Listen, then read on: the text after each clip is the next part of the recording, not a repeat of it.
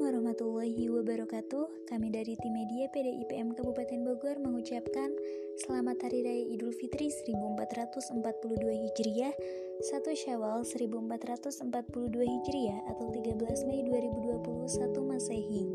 Taqabbalallahu minna wa minkum, syamana wa siyamakum. Mohon maaf lahir dan batin. Semoga kita semua semoga kita semua senantiasa dalam lindungan Allah Subhanahu wa taala. Amin ya rabbal alamin.